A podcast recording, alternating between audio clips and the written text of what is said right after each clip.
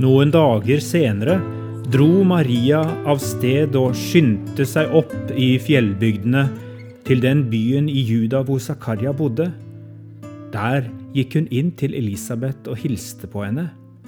Lukas 1, 39-40. Husker du den første gangen Jesus og Johannes møttes? sa Maria. Ja, det glemmer jeg ikke, sa Elisabeth og lo. Idet du kom inn i rommet, sparket Johannes så voldsomt i magen at jeg måtte sette meg ned.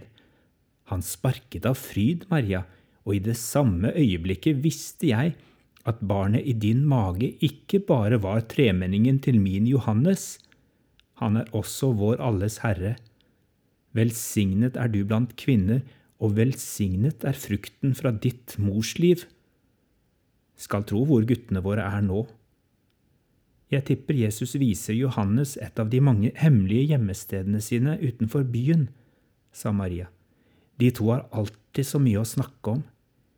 Jesus har gledd seg i flere dager til dere skulle komme.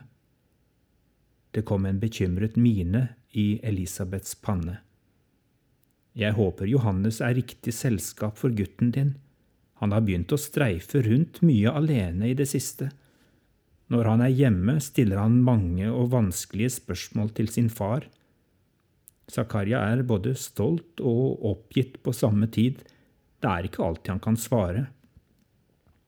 Da har de to guttene våre mye til felles, sa Maria. Jesus hadde nok også hatt mange spørsmål til din mann som er prest, slik han satt med de skriftlærde da vi var i Jerusalem nylig. Jeg har aldri vært så bekymret for Jesus.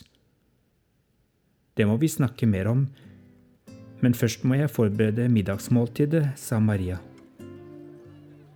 Elisabeth ble sittende i dype tanker.